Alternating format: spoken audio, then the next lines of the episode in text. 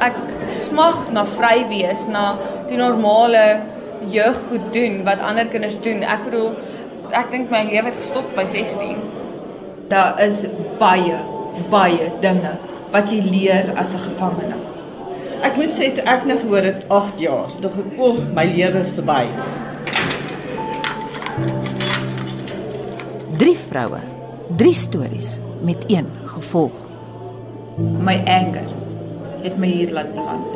Dit was anger. Dit was basies verkeerde dag, verkeerde tyd, verkeerde oomblik wat my beland het waar ek is vandag. Welke is hier vermoord? Ek was gefonnis vir 10 jaar. Ek moet sê God dank, 10 jaar is 'n baie ligte vonnis. Siobhan is 28 en het 'n honeursgraad in DNS ontleding. Die ma van twee kinders deel vandag 'n tronksel met 20 ander nadat 'n argument met 'n vrou by haar niggie se huis in Enerdal hand uitgeruk het. Toe dit nou steek kom, dis waar ek beklei het vir die mes. Toe ek nou beklei het vir die mes, dis waar ek heel beheer verloor het. Ek het totaal beheer verloor. Toe vat ek die mes en toe steek ek van. Ek was eerste gesteek bloeiend. Vet het gehang, dit was aan my agterkant my blad. En die tyd toe ek nou wel nou die mes van haar af beklei het, het ek nou klaar die mes, maar die moment toe ek die mes by haar gevat het, is die tyd toe ek klaar nie eens sien wat ek besig is om te doen nie. Dis hoe briesend kwaad ek was. En toe ek aan daardie 12 gate gesteek het, het ek nie eens geweet dat dit was daai 12 gate nie. Ek het in die hof in uitgevind dat dit 12 was. Ek is hier vermoord. Ek is al vir 3 jaar hierso. Ek is vry op borg gewees vir 4 jaar nadat ek gefonnis is. Die hele voorval het gebeur, die insident het gebeur toe ek slegs 16 jaar oud was. Vandag is Anja 23. Sy kan oor 5 jaar aansoek doen vir parol. Intussen boet sy vir 'n daad wat gepleeg is op 'n dag toe alles eintlik reg moes verloop. Dit was in die oggend gewees eintlik en dit was die 24 September gewees, was nasionale braaidag gewees. En ek was net op pad om 'n vriend te gaan groet. Dit is hoe dit veronderstel was om te gebeur en hy is toe nou vermoor en ek was in die huis gewees. Ek het toe die die meeres beskuldigde ek het stil gebly met hom gehelp wegkom met die moord as mens dit so kan stel. En in die huis self was daar net 'n argument, is die ou dood geskiet, die vriend van Nee, jou. nee, die ou is dood geslaan. En wat het toe gebeur? Toe help jy hom om wat die lijk weg te vat. Wat nee, doen nee, julle nee, toe? nee, nee, ek het glad nie aan die lijk gevat nie. Ek was ook nie gedurende die hele proses daar gewees nie. Hy het dit eenvoudig die ouetjie aangerand, my uit die huis uit gestuur. Hy het vir geskryf gaan sit in die kar en ek het in die kar gaan sit. Toe hy terugkom by die kar was slegs die onderpand van sy broek van die bloed en hy het gevra asseblief gaan kom met my nuwe broek en ek het dit toe gedoen.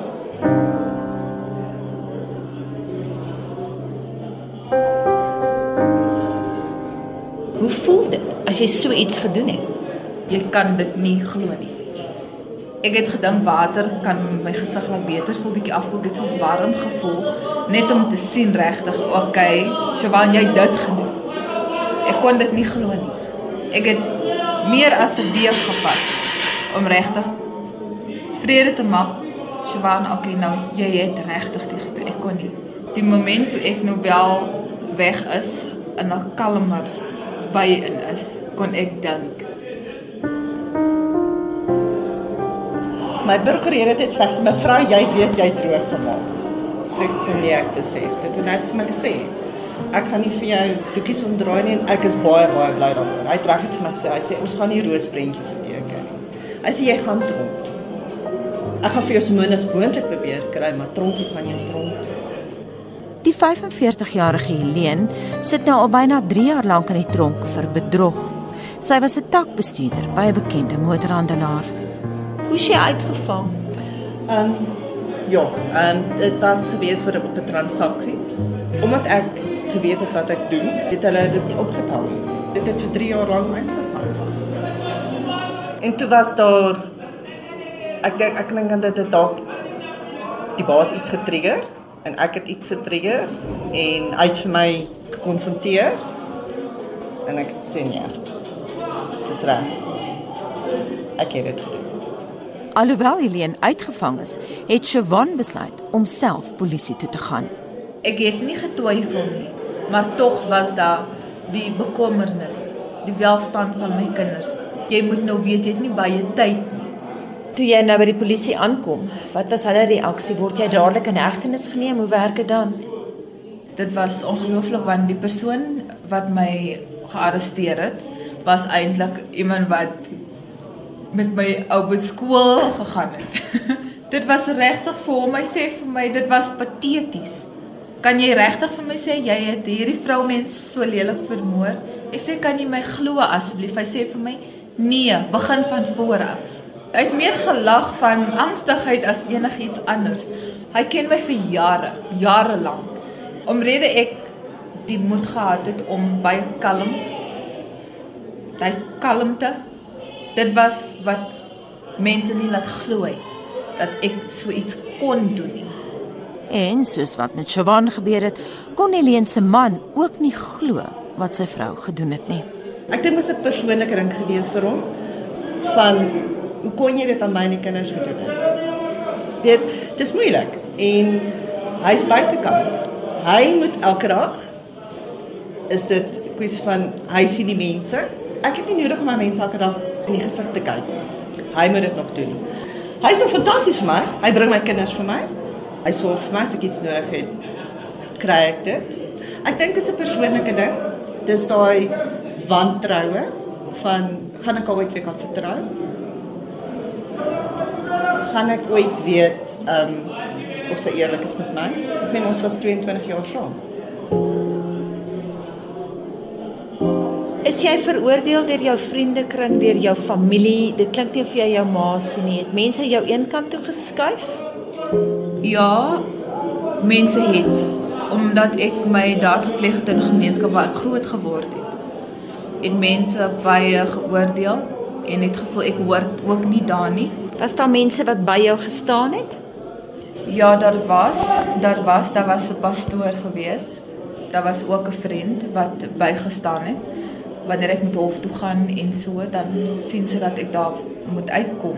'n Kar se tyres word nou sommer deur dwars deur gesny, dan word ek laat om by die hof uit te kom. Dan kom jy nie uit by die hof nie, dan stuur hulle die polisie uit om jou op te tel. Het jy ooit daaraan gedink om jouself in te doen? Nee. Mense oorweeg dit. Mense dink dis die maklikste oplossing want dan hoef hulle nie die skande te oorleef. Mense redeneer snaaks, hoor. Het jy mense gekry wat jou steun? Het jy mense gekry wat dadelik wegloop van jou af? Ja, Hoe was het, dit? daar's mense wat jou heeltemal vermy. Ek het vir die eerste 3 maande wou ek nie dorp toe gaan. Was te skaam om toe te gaan. Maar nou hoe's dit in die tronk self want hier is tog ook 'n hiërargie. Jy is 'n wit boortjie misdadiger. Oordeel julle mekaar? Glad nie. Jy sien die persoon. Is jy bang vir moordenaars met wie jy dalk 'n sel moet deel? Glad nie. Kyk, ons noem dit bandiet radio. Dit almal skinder. Jy weet daai ene dit gedoen, daai ene is met dit. Maar jy glo nie daai stories nie want jy leer die persoon ken. Jy leer om nie te oordeel nie. Daar is nie 'n klein en daar's nie 'n groot nie. Ek het gedink my oortreding is groot. En toe ek om my begin kyk en ek het besef dat ander se groter as myne is. Waar's jou male? Um my ma bly tans op 'n ander dorp. Ek gaan om hulle privaatheid te beskerm, gaan ek eerder nie te veel detail van hulle deel nie. Op die tuisdorp waar dit gebeur het, ek het nie dorpskool gegaan nie, maar my sussie het dorpskool gegaan. En hulle is afgeknou in die skole. Hulle is mense verstaan nie, hulle sien hierdie verskriklike ding wat in hulle gemeenskap gebeur het. Is jy eenkant toe geskuif deur vriende? My vriende wat ek daardie tyd gehad het, kom steeds vir my in die gevangenis kuier. Mense wat my ken, weet wie ek in my hart is en weet dat wat gebeur het 'n sommerloop van omstandighede was. Dit was iets wat vir ons self so eenvoudig te wees. Ons ons saam net tot siens te gaan sê en hier gaan hierdie man dood. Jou kop staan doodstil. Jy moet nog gaan antwoorde gee.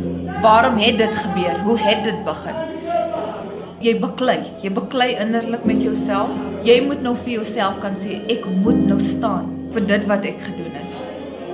Ek dink 'n hond kou sag. Daai skuldgevoel het die skerpste tande wat jy kan kry. Ek het vir 'n baie baie lang ruk het ek voor 'n spieël gestaan. Kon ek myself nie gesit kyk want ek weet wat ek gedoen het aan my mense aan die buitekant. Maar weet jy wat, ek dink die tronk is 'n leermeester vir 'n mens. Ek het hier opreg geleer om op my knieë te gaan en te sê Here, dankie. Dankie dat jy daar is vir my. Ek kan vir jou sê ons is nie bang vir mekaar nie. Is nie soos in die ou dae waar jy nie kan 'n oog toemaak in die hand nie. Ons is maans, ons is niggies, ons is soos dogters. Ons is soos 'n familie. Jy's hier saamgegooi as 'n groep. Jy moet leer om mekaar saam te leef. 'n Gevangene is wreed, daar is wendes, daar is al daardie dinge, maar onthou, hulle leer jou ook as mens ken.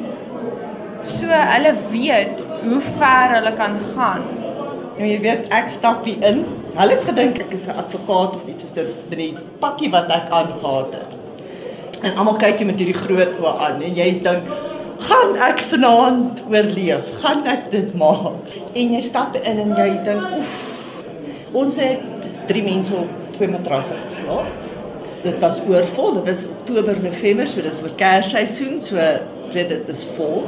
Helene, ek wil terugkom na die heel eerste aand toe. Het jy geslaap daai aand? Nee. Het jy wakker nee. gelê?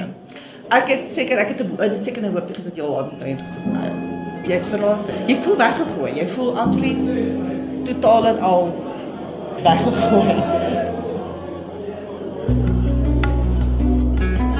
Maar selfs die tronklewe het sy plesiertjies. En jy sê maar nie glo nie. Kwart voor 3 luister ons ons stories op RSG. Ek is 'n groot RSG ondersteuner. Elke oggend, hulle begin 5uur begin ons. Dan het ons ons radio, dan luister ek eers na die kerkdiens op die ander stasie, dan sit ek oor half 6 op kop, sit ek oor na RSG toe, dan sit ons luister ons na julle. En toe het ek hierdie kinderstories begin luister van Klas Fakie. ek dink dit laat jou half hoe kan ek sê tuis voel.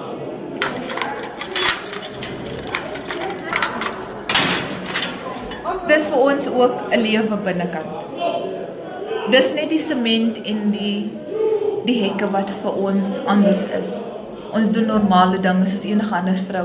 Ons kan nog wel nie gaan en inkopies doen nie, maar ons het 'n winkel waar ons ons inkopies gaan doen een keer 'n maand. Wat mis jy die meeste van buite?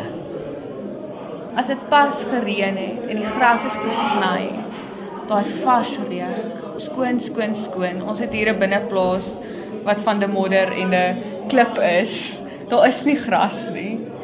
Daai skoon reuk as dit pas gereën het. Net om buite te kan staan in die aand en hy vars aandlig te kan ruik. Net om dit te kan ruik in die aand en daar te staan al was dit vir 2 minute. Ek is trots. Ek is trots om myself 'n krimineel te noem want as ek nie in die tronk was nie, as ek nie in hierdie situasie was nie, was ek nie nou waar ek is nie. Ek het geleer ek gee nou iets wat nie materialisties is nie. Ek veronderstel om hierdie jaar my laaste jaar op universiteit te doen. Ek smag na vry wees, na die normale jeuggoed doen. Ek het nog eens my lisensie nie. Dit is verskriklik. Dit is regtig, dit is erg. Ek wil net normaal wees. Ek wil nog 'n curfew hê wat my ma vir sy luister kyk, maar jy moet 10 uur vanaand terug wees by die huis of jy moet nou leer vir hierdie toets. Ek dink my lewe het gestop by 16. As mens stop jy die dag vir daai ammertjie staan.